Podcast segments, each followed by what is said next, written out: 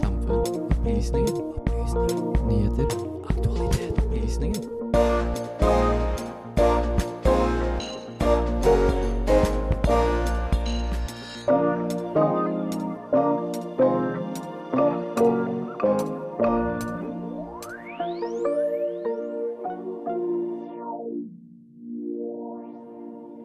Vi trenger materialer for det grønne skiftet, men skal det gå på- bekostning av naturen? Kina er en ettpartistat med jerngrep og mediebilde på hjemmebane. Men hva vil egentlig Xi Jinping at du skal tro på? Hva går aksjebråket som Erna Solberg er involvert i, ut på? Vi tar en sak opp fra arkivet og forklarer hvordan du på best måte kan drive med investering.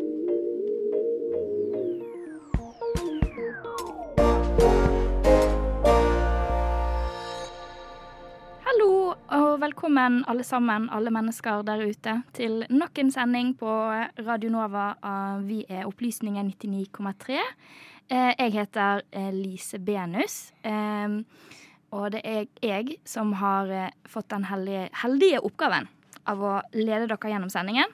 Og det slipper jeg som vanlig å gjøre alene, fordi at jeg har fått med meg to helt fantastiske mennesker inn i studio. Eh, dere kan jo få lov til å introdusere dere sjøl, for vi har jo en ny person med i studio. Ja. Hva heter du? Hei, eh, jeg heter Ludvig. Ny på opplysningen. God morgen. God morgen. Og så er det på min høyre side har jeg Katinka. Katinka Jeg var med forrige fredag. Katinka Hilstad. Du var med forrige fredag. Sant, God morgen, eh, god morgen til deg òg. Ja, god morgen. Har dere hatt en god morgen? Nei, Nei. Du har ikke en god morgen. Hvorfor har du ikke en god morgen? fryktelig bakfull, Ja, men stille opp med humør. ja det er det viktigste, ikke sant? Hva Ja, den var greit, det.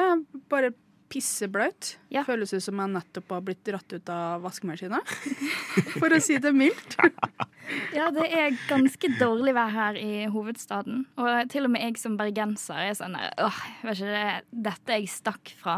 Var ikke det liksom dette grunnen til at jeg dro fra Bergen?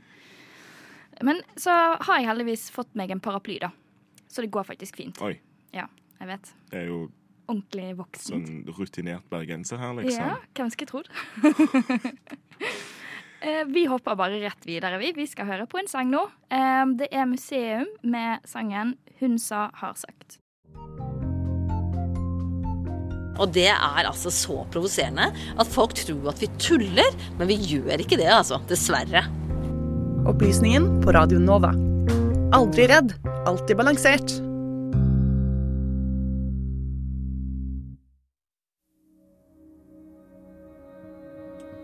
september i år sto over 50 miljøaktivister utenfor Oslo tingrett.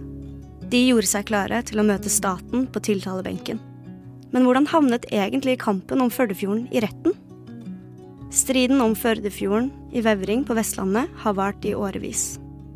På én side har man gruveselskapet Nordic Mining, og på den andre siden har man en del av lokalbefolkningen og miljøaktivister som ønsker å bevare livet i fjorden. Førdefjorden er en nasjonal laksefjord en av Norges reneste fjorder og hjem for flere rødlistede arter. I det 300 meter høye fjellet, Engebjøfjellet, rett ved siden av fjorden, finnes det mineraler. Annet rutil og granat, som det er stor etterspørsel etter. Gruveselskapet Nordic Mining har fått tillatelse av staten til å hente ut disse mineralene. Men det er ikke uten konsekvenser. I Norge tillates sjødeponi. På godt norsk kalles det også gruvedumping. Gruvedriften vil føre til at 170 millioner tonn avfall vil havne i Førdefjorden i løpet av prosjektets levetid. Miljøaktivister mener at dette kommer til å ødelegge livet i fjorden, mens Nordic Mining mener at konsekvensene ikke blir betydelige, og at livet i fjorden vil ta seg opp igjen etter at prosjektet er ferdig. Folkelig motstand, politisk påvirkning og aksjoner har pågått helt siden Nordic Mining sitt første ønske om oppstart av gruven. Da den siste tillatelsen ble gitt for å starte opp prosjektet i mai 2022, ble det gjennomført sivile lydighetsaksjoner hvor over 80 stykker ble arrestert for å prøve en siste gang å stanse arbeidet. Uten hell. Senere samme år varslet miljøorganisasjonene Naturvernforbundet og Natur og Ungdom søksmål mot staten, som et siste forsøk på å stanse prosjektet. De mener at tillatelsene staten har gitt, bryter med både forskrifter og direktiver Norge er forpliktet til. 18.9. i år startet rettssaken. Og Derfor har vi besøk av en som lenge har kjempet for å holde Førdefjorden fri for sjødeponi. Nemlig sentralstyremedlem i Natur og Ungdom, Sigrid Hoddevik Losnegård. Vi skal snakke litt nærmere med henne om hva Førdefjord-saken egentlig handler om, og hvorfor Naturvernforbundet og Natur og Ungdom har valgt å saksøke staten. Reporteren du hørte der, det var Aurora Tobiassen. Og vi er så heldige at vi har fått Sigrid Oddevik Losnegård live her i studio. God morgen til deg. God morgen. Du er med i sentralstyret for Natur og Ungdom, stemmer det? Ja. Mm -hmm. mm -hmm. Da kan jeg bare begynne med å spørre, hva betyr egentlig Førdefjord-saken for deg? Oi. Um, ja, det er jo uh, veldig personlig. Um, jeg kommer fra uh, Holmedal. Eh, sånn at når du står på toppen av det fjellet som eh, Nordic Mining har tenkt å sprenge, så ser du liksom over fjorden, og så over fjellet, og der bor jeg. Eh, så jeg er, ikke, jeg er ikke helt lokal, men ganske. Og da jeg var i lokallag i Naturungdom gjennom hele videregående, så var det Førdefjordsaken vi jobba mest med. Så den står meg veldig nært. Mm. Eh, Hva er egentlig grunnen for at dere i Natur og Ungdom sammen med Naturvernforbundet da, har valgt å gå rettens vei nå? Em, våre anførsler, eller eh, altså våre argument eh, i eh, saken, er tre hovedpunkt eh, som vi på en måte deler stevninga inn i. Eh, det ene er at når staten har gitt tillatelsene til Nordic Mining, altså driftstillatelse og utslippstillatelse, så har de brutt eh, veldig mange EØS-reglement, eh, blant annet eh, vannrammedirektivet og mineralavfallsdirektivet. Eh, Der har de brutt liksom konkrete lover. Eh, og så eh, den andre anførselen er at eh, eh, staten skulle pålagt gruveselskapet å finne en annen, mindre inngripende metode, men eh, det har de bare ikke gjort. Eh, og så det tredje er at eh, miljøkonsekvensene kommer til å bli mye mer alvorlige enn det som på en måte er forutsatt i tillatelsene. da. Så man har ikke alle fakta på bordet, og det kommer til å bli mye verre enn det man har trodd. Mm. Ja, så må jeg bare understreke at eh, eh, ja, holdt jeg på å si, de dere har gått mot sak mot, Mm. de eh, er ikke her i studio for å kunne forsvare seg sjøl. men da ja.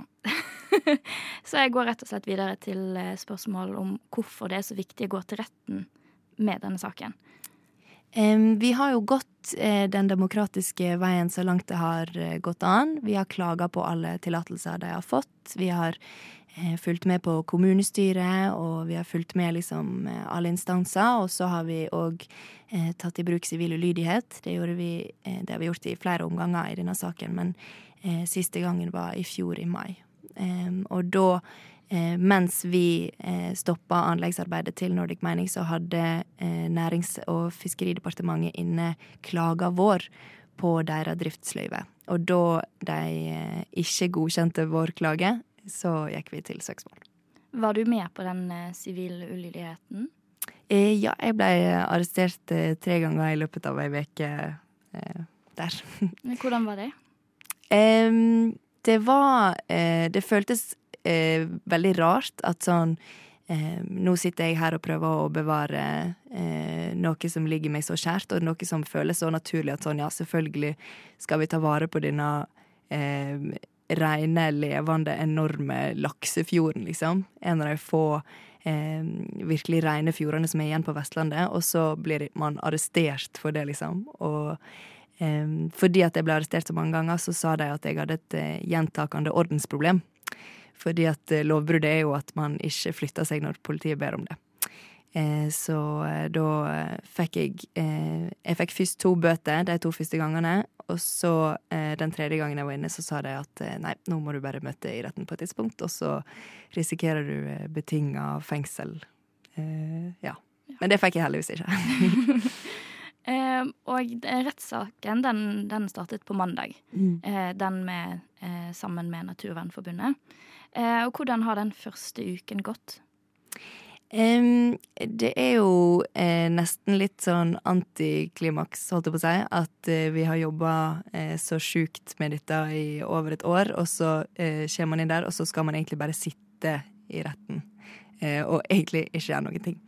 Eh, men eh, det vi har gjort de to første dagene, på mandag og tirsdag, så var det våre, eh, vårt innledningsforedrag, og da gikk vi gjennom alle våre argument. Ganske inngående og slitsomt å høre på, men det er interessant hvis du klarer å følge med. Og i dag og i går så har det vært staten sin tur til å ha innledningsforedrag. Mm. Ja. Og hvor lenge antar dere at denne retts... eh, Ja, hvor, hvor lenge antar dere at dette kommer til å, til å gå, da? Um, vi har eh, rettssalen fram til 4. oktober. Mm. Så neste uke blir det uh, vitne og sånn. Ja. Har har du troen på at det skal gå deres vei? Jeg har absolutt eh, trua. Eh, både vi og advokatene våre vet at vi har en veldig god sak, eh, og at det er veldig viktig å prøve disse EØS-rettslige kravene. Eh, fordi at det har aldri blitt gjort før. Og EU har veldig strenge miljøkrav, og særlig innenfor mineralprosjekt, som vi kanskje ikke gjennomfører helt riktig, da. Så det er veldig viktig å prøve dem. Mm. Eh, Og hva ville eventuelt utfallet av rettssaken bety videre for Førdefjorden og eventuelt andre fjorder? Det vi håper, er at vi kan sette en presedens eh, med at eh, om vi vinner, så blir tillatelsene til Nordic Mining ugyldige, og da må de søke på nytt på riktig måte, og så må forvaltninga behandle den prosessen igjen. Em, og hvis, hvis vi kan vise at det går ikke an å gjøre dette med Førdefjorden, så kan vi òg vise at det går ikke an å gjøre dette med Repparfjorden, med alle fjordene det er et pågående deponi i. Eh, alle fjorder det eh, ja, kan være fare for å, å skje det samme i. Um, så det er det vi håper på, å liksom løfte saken litt videre, da. Mm. Eh, tusen takk til deg, deg, Sig Sigrid Hoddevik Losnegård. Eh, setter pris på at du kunne ta deg tiden til å besøke oss her på Opplysningen. Eh, så må jeg egentlig bare ønske deg eh, god helg. Tusen takk. Takk det samme.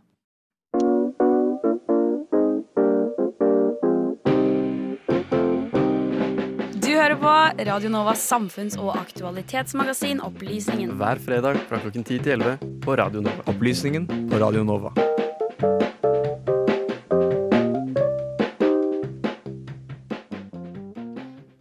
Vi skal over til noe helt annet her på Opplysningen i dag. Eh, nå skal jeg stille dere her i studio et spørsmål.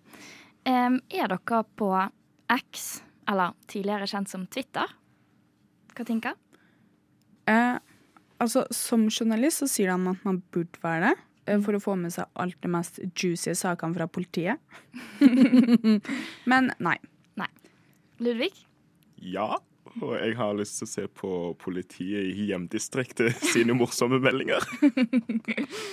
Fair enough. Og da er mitt spørsmål, har du oppdaget noen litt merkelige kontoer? Ja. Ja. Husker, kan, du, kan du si noen on the top of your head i studio her og nå? Noe som du så som var sånn Oi, det var, det var spesielt. Jeg kom borti sånn furry-ting en gang. Oi. Hva da? Vi, Det var veldig spesielt. Og sånn, OK, dette her var OK. Vi, vi, vi stopper for i dag. Hva, Vi hva, stopper scrollingen for i dag. hva var det du kalte det for noe? Furry. Sånn ehm, Hvordan kan man forklare det på en, hygge, en eh, Um, høflig måte? Uh, Anglesisme. Tenk anglesisme. folk som cosplayer som dyr. Nei Hvis man ikke ser ansiktsuttrykket mitt nå. Det, altså, jeg tenker, Hvis du koser deg med det, så koser du deg med det. Eh, det er bare ikke noe for meg. Eh, men det er mange, mange spesielle kontoer på X, tidligere kjent som Twitter. Eh, og en av disse er en som eh, vår reporter Benjamin Nordtømme har kommet borti. Skal få høre mer om det nå. Propaganda er et ord med mange definisjoner. I sin enkleste form handler det om påvirkningsarbeid for å endre hva du tenker og føler. Sagt med noen andre og litt skumlere ord dreier det seg om, ja, psykologisk krigføring. Ikke bli for bekymret, kjære lytter. Formålet med dette innslaget er å gi deg en enkel og fordøyelig smakebit på hvordan det kinesiske kommunistpartiet driver propaganda i vår tid. Helt konkret handler dette innslaget om Kinas propaganda rettet mot utlandet. Propagandataktikker som speiler Kinas særegne syn på internasjonal politikk. Og akkurat nå, mens du hører meg snakke, er det mange tusen mennesker på jobb for å overbevise deg og dra deg inn i dette verdensbildet. En av dem kaller seg Eivor Vågsli. Han er en kinesisk mann i 20-åra med hårsveis som en verdensberømt k-pop-stjerne. Når Eivor er på jobb, er han del av et omreisende dokumentarcrew. For det statlige mediehuset CGTN er en av deres viktigste oppgaver å vise frem noe de kaller Den nye Silkeveien. Infrastrukturprosjekter sponset og bygget av Kina i det globale sør. Om bord på et tog i Etiopia hører vi en reporter fra CGTN. We can tell from the interior design and service here that the whole train has been made and operated according to Chinese standard. Along with the freight service it provides, this network improves Ethiopia's transport efficiency and brings the country closer to its industrial ambition. I disse reportasjene er alltid Kina en snill velgjører. Her retter Kina seg mot afrikanske land og prosjiserer et bilde av seg selv som en vennlig, ufarlig motvekt til det griske, kapitalistiske USA og slemme, gamle Europa. Men så kommer vi til problemet. Disse prosjektene er ikke særlig lønnsomme. Nei, den fantastiske jernbanen taper masse penger hvert år og har gjort Etiopia svært avhengig av kinesiske lån reservedeler og ekspertise. Så hvorfor forteller jeg deg alt dette? Vel, for Kinas del handler det mindre om å tjene penger enn det å bruke penger. Å kjøpe seg til et godt renommé og omdømme. Statsviterne kaller det soft power, altså myk makt. Et lands evne til å spre sin innflytelse over andre uten å bruke tvang eller aggresjon. Men når det kommer til å vurdere akkurat Kina og Kinas myke makt, ender mange opp med å klø seg litt i hodet. Er Kina egentlig så gode på å høste fruktene av myk makt? Despite its efforts, China has been largely unsuccessful in increasing its global popularity, particularly in the West. According to Pew Research polling, of the 17 advanced economies they surveyed, a majority had unfavorable views of China in May 2022, particularly in neighboring countries like Japan and Australia. For når det kommer til Kinas evne til å fenge omverdenen med sine egne merkevarer, kjendiser, kunst og litteratur, står det hele igjen som ganske mangelverdig. Sør-Korea og Japan to andre viktige land i Asia. De har henholdsvis k-pop og Squid Game, sushi og anime.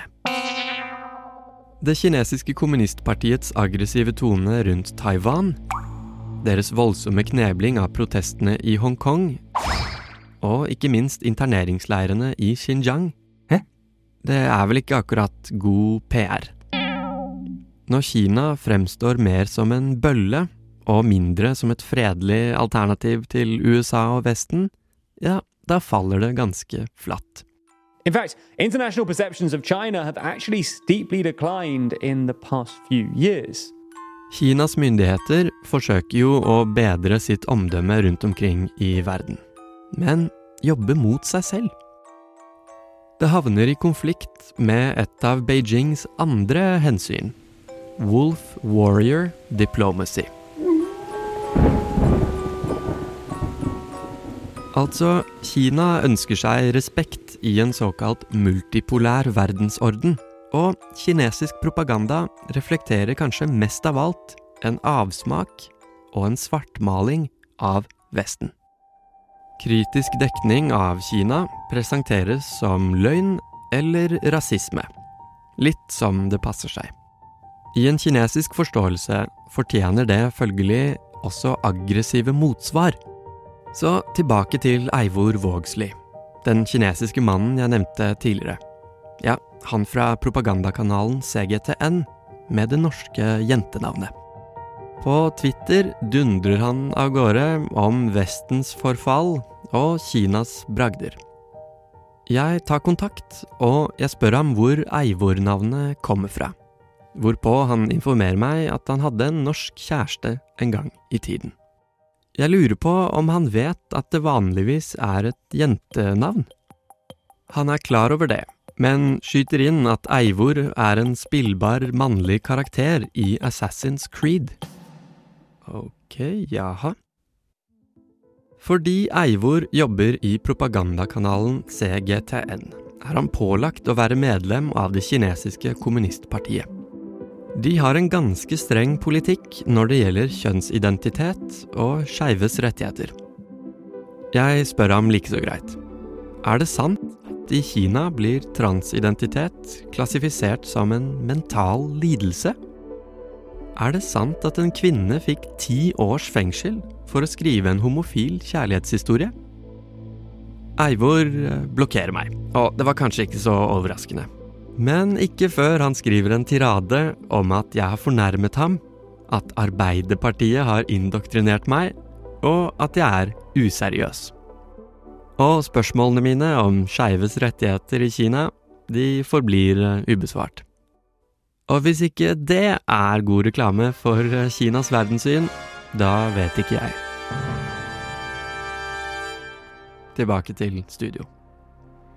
Medvirkende i denne saken det var Benjamin Nordtømme. Lyden den hadde han hentet fra TLDR og CGTN.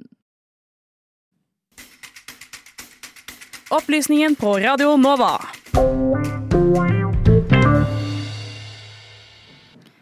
På alle landets største aviser så har det vært flerfoldige nyhetssaker med Erna Solberg på bildet. Eh, og for en uke siden så kalte Erna Solberg inn til en pressekonferanse hvor hun la ut om at hennes ektemann Sindre Finnes han hadde drevet med aksjehandel mens hun var eh, statsminister, statsminister, mener jeg.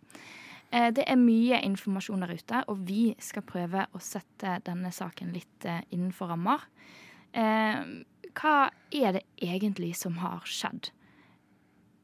Nei, eh, det som har skjedd, er jo at eh, Sindre Finnes har blitt eh, tatt på aksjehandel under statsminister... Nei, Erna Solbergs statsministerperiode. Og det var ikke problemet at han aksjehandla, men han hadde løy over mengden av aksjehandel og ble tatt i løgnen. er det som er kjernen av alt. Og Ernas eh, habilitetsvurdering ut ifra alt dette her. Hvor mange aksjer var det han hadde Hva blir det, hva er det riktige terminologien? Solgt? Kjøpt? Solgt, solgt og kjøpt. Um, det var vel oppi 3006? Ja, nei, ikke- jeg fant en uh, artikkel fra Nettavisen. Det sto uh, her sitat. Finnes foretok seg 22 handler på tampen av Solbergs periode som statsminister, selv om han inntil da hadde forklart at hans aktivitet var betydelig redusert. Mm. Så, men det er jo snakk om 1,8 millioner som han uh, fikk ut av det her. Men når vi tenker litt over eh, hvor mange år er det her snakk om? Eh, var det åtte? Eh, det, ja, det Ja. starta jo siden Ja, 2013-perioden, er jo det mest relevante. Til 2000 til 2013 til 2021, ja. Eh, så 1,8 er jo egentlig ikke med gåsetegn så mye, men eh, det er fortsatt mye. Ja, eh, prinsippet er jo ikke tenke, er jo at um, er jo at det handla om det var en inside-informasjon tatt, tatt i. Ja. Så eh, Ja.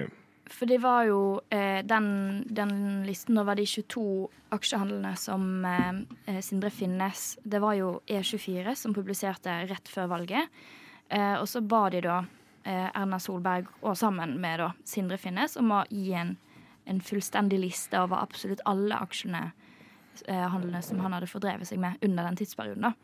Og sist jeg sjekket, så var det oppe og nikket på over 3500 stykker. Um, og det er jo litt sånn som uh, vi har nevnt her. Jeg lurer egentlig litt på hvorfor er det et problem at det var liksom Erna Solberg uh, uh, Hvorfor er det et problem for Erna Solberg at Sindre Finnes handlet aksjer? Ja, det var under hennes statsministerperiode, men det var jo ikke hun som gjorde det. det, det er jo det, men hovedpoenget er jo at hun var inhabil i fryktelig mange saker som ble behandla av regjeringen. Det er jo de TFO-rundene i Nordsjøen og uh, Sverdrup-feltene som skulle ut. I det tidspunktet så handla òg i tillegg ektefellen til Solberg aksjer i store eh, oljeselskaper som var tilkobla alle disse her. Så da skulle hun ha etter politisk håndbok stilt seg inhabil. Men det gjorde hun ikke. Nei, ikke sant. Det var jo også ifølge, en, um, ifølge NRK så hadde jo han fått beskjed om at du må være varsom. Og varsom betyr ikke at du ikke skal gjøre det i det hele tatt, men bare ikke Du kan ta det i gråsonen, da, mener jeg at du kan på en måte bare ikke bli tatt. Ja. Uh, og da Alt handler om hvordan man omformulerer det. Mm. Og, og Altså Ja, det er jo sånn dere sier, at uh, hvor går grensa? Ja, og det, jo, det var jo litt sånn som du nevnte i sted, Ludvig, med sånn der innsidehandel. At det er jo en del som er på en måte redde for at det skal ha skjedd.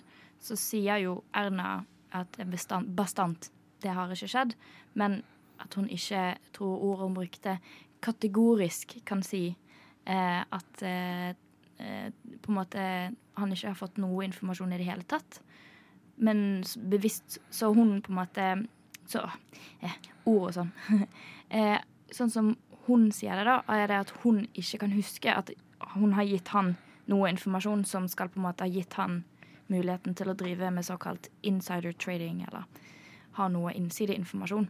Men så jobber Dette var jo, må vi huske, under koronaperioden, der eh, hun jobbet veldig mye hjemmefra. Og da kan det hende at det var mye sensitiv informasjon som lå rundt omkring på hennes hjemmekontor. Ja. Um, og da eh, lurer jeg på, har noen av dere eh, forstått hva prosessen videre er nå? Uh, ja. Uh, jeg leste nå på NRK sine tidslinjer som ble publisert, og det var ve veldig klar tidslinje. Um, kontroll- og konstitusjonskomiteen har ønska en skriftlig redegjørelse fra Erna Solberg, som er Ja, hun blir redegjør for hele konstitusjonskomiteen over hvordan hun hadde vurdert sin habilitet med all denne kunnskapen og bare skriftlig skrive inn til. Mm. Ja. Eh, hva er reaksjonen til de andre partiene? Har dere fått med dere noen av de? Ja, eh, ifølge NRK så har det kommet fram en rekke er jo at dette er ekstremt seriøst. At det er ikke bare en intern sak for Høyre. Dette er en sak for hele Stortinget å vurdere, pga. dette er en tillitsting til hele demokratiet, som de partiene har stått som, som Ap, SV, Rødt og Men eh, det varierer i retorikk hva de sier, men alle sier i bunn og grunn at dette er veldig alvorlig, og dette må bli grundig redegjort for å opprettholde tilliten. En ting som jeg syns er riktig, som Erna Solberg har uttalt seg om, er at hun sier det er ikke opp til seg, men partiet. Og på en måte både partiet og alle andre rundt seg. At, uh, jeg syns det er egentlig en ganske riktig ting å si. Altså, ja, hun kunne ha gått av med en gang, men det er på en måte, jeg syns det er en riktig ting å la partiene ta avgjørelsen. Syns vi virkelig at du er nå den rette eh, framfiguren for oss igjen nå?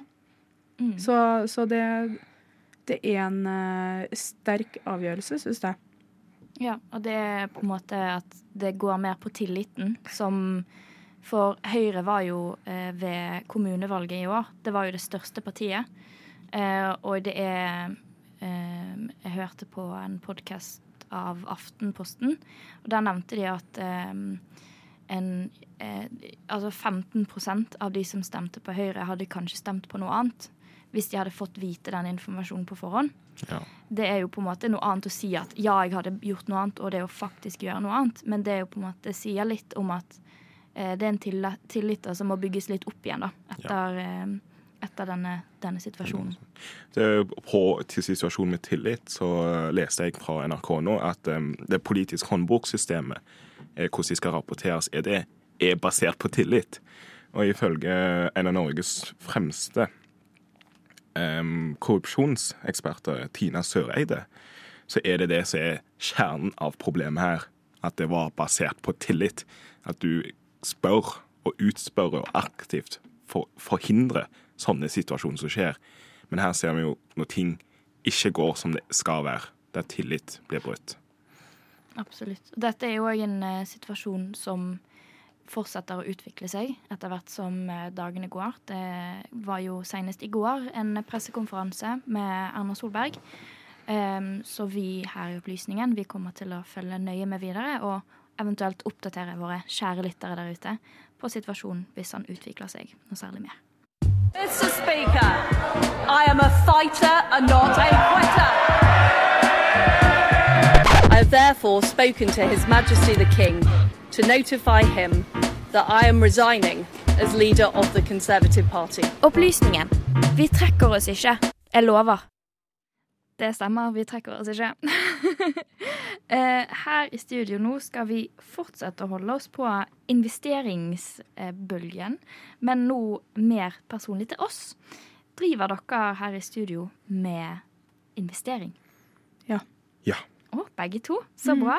Har dere aksjer, har dere fond, har dere sparekonto? Jeg er ikke smart nok for aksjer. Jeg er altfor passiv. Så jeg mener, jeg har mamma sa hiv 300 kroner i måneden til en fond du stoler på.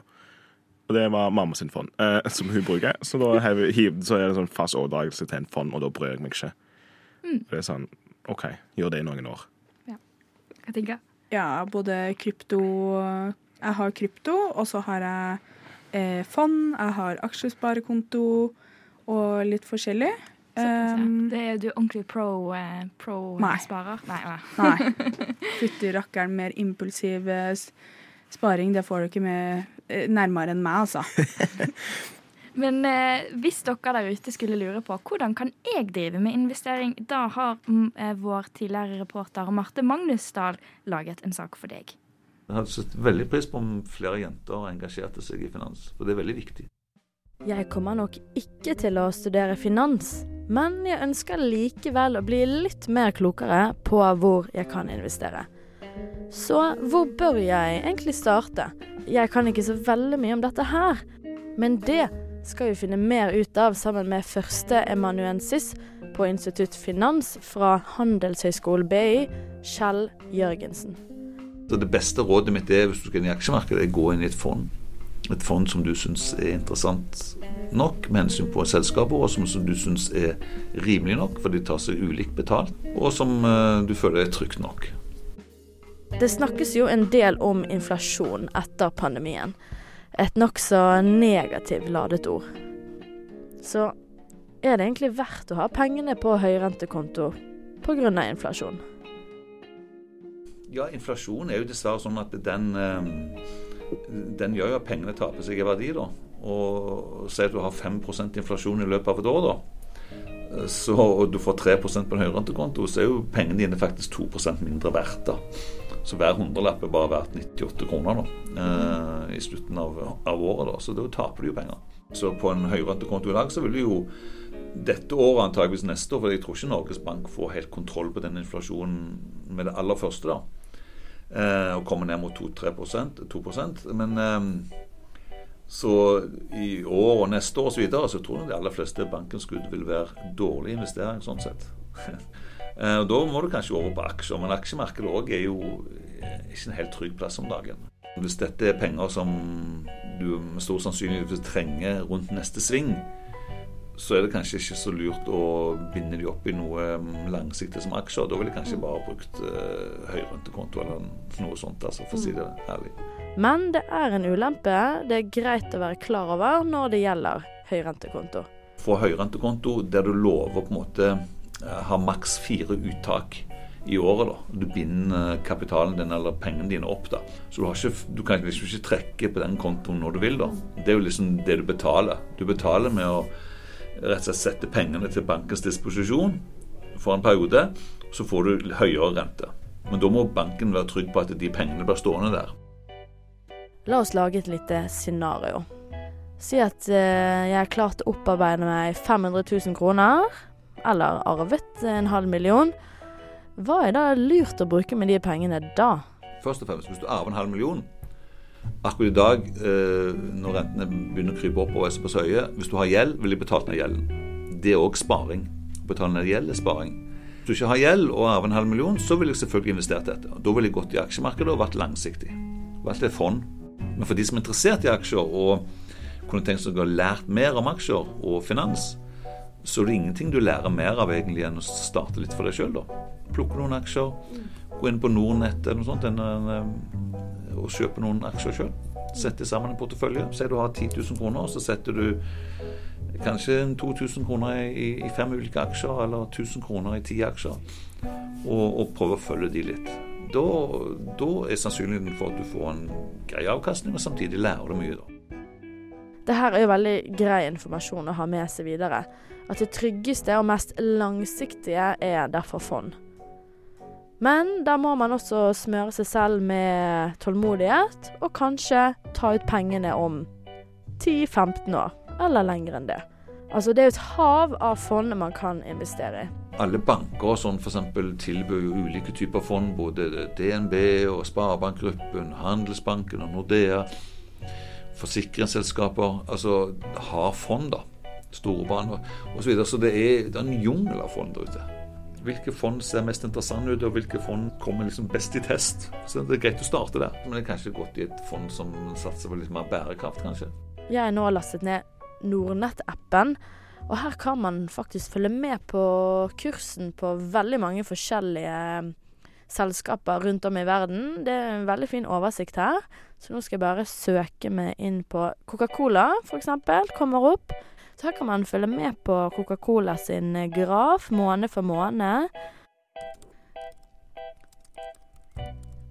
Ja, nå eh, Jeg surfer litt på det store internettet, og trykker meg inn på indeksfond. Og her kan jo man virkelig investere i så mye forskjellig. Altså DNB global indeksfond, KLP. Man må tenke liksom hvilken risiko kan jeg tåle, og hvor mye tid har jeg tenkt å bruke på dette. Hvis du ikke har lyst til å ta mye risiko, eh, og ikke har eh, veldig mye tid på å sitte og følge med på dette, eh, så bør man da velge sånn et helt standard bredt anlagt fond. Og så bør man kanskje òg ha litt tålmodighet på å vise at dette fondet vil helt sikkert gå bra over tid, men da må du ta deg tid. Jeg tror jeg trenger litt mer tid før jeg skal investere i noe mer risikofylt. Med et litt ustabilt aksjemarked og mine relativt lave kunnskaper om finans, så ønsker jeg å ta litt tryggere valg. Tusen takk til deg, Marte Magnesdal. Dahl. det var reporteren du hørte der. Eh, musikken den ble hentet fra Blue Dot Session. Du, Sander? Ja? Hvorfor har du blitt så smart i det siste? Jeg vet ikke, jeg spiste epler og havregrøt. Og så har jeg hørt på opplysningen, da. På Radio Nova. Det stemmer. Her på Radio Nova så blir du smartere. Eh, vi har masse spennende informasjon. Eh, vi har hver uke fredag 10-11 eh, så har vi livesendinger. Og neste uke så skal vi ha en superspennende sak som du skal få en liten teaser på. Hvor stor er påvirkninga ved bruk av sosiale medier? Og kan dette endre synet som velgerne har danna seg av politikere? Jeg har snakka med professor Eli Skogebø, som spesialiserer seg i politisk kommunikasjon ved UiO. Hun kan svare på hvordan partiene og enkelte politikere sanker velgernes stemmer. Er det memes og TV-program som skal til for å interessere unge velgere? Og hva slags plattform er mer effektiv for de ulike aldersgruppene? Er det egentlig Erna som bestemmer at hun skal skyte en sel? Og er det Bollestads eget initiativ å være deltaker i TV-programmet Sofa? Hva slags syn er det egentlig folk får av det her? Det er masse gode spørsmål. Eh, og hvis du lurer på det, så er det bare til å tune inn neste fredag eh, mellom 10 og 11. Og det var din fremtidige sak, det, Katinka. Ja. Prøvde ganske lenge nå på å få klar den der. Men så er det sånn at eh, klokken den begynner sakte, men sikkert å tikke seg nærmere 11. Så vi er snart nødt til å runde av her i opplysningen. Dessverre, dessverre. Men det er helg. Det, det er alltid koselig med helg. Oh yes. Oh, yes. Helg, helg, helg. Nå er det helg, helg folkens. Hei. Skal dere noe gøy Uh, jeg skal på galleri. på galleri? Yes. Skal på sånn fotoutstilling på Fotografens hus lenger nede. Så det gleder jeg meg veldig mye til. Veldig spennende tema. Gøy. Tviler ikke på. Tviler ikke. Hva tenker hva skal du? Uh, jeg skal på loppemarked med min kjære mor. Eh, så det blir veldig spennende. Det her er årlig tradisjon. Oi, Ja, ja. dritkult. Kjekt. Eh, men da må vi runde av. Jeg skal slappe av i helgen, til alle de som lurte på det. Ja. Ja. Det skal være Eh, lov. Ja. Eh, Medvirkende i denne sendingen det har vært Benjamin Nortemø, Katinka Hylstad, Aurora Tobiassen og Marte Magnusdal. I studio med meg så har jeg hatt eh, Katinka Hylstad. God helg til deg. God helg. Og Ludvig Hohenstaufen. God helg til deg. God helg. Mitt navn det har vært Lise Benus. Etter oss kommer Studentnyhetene, så det er bare til å følge med videre.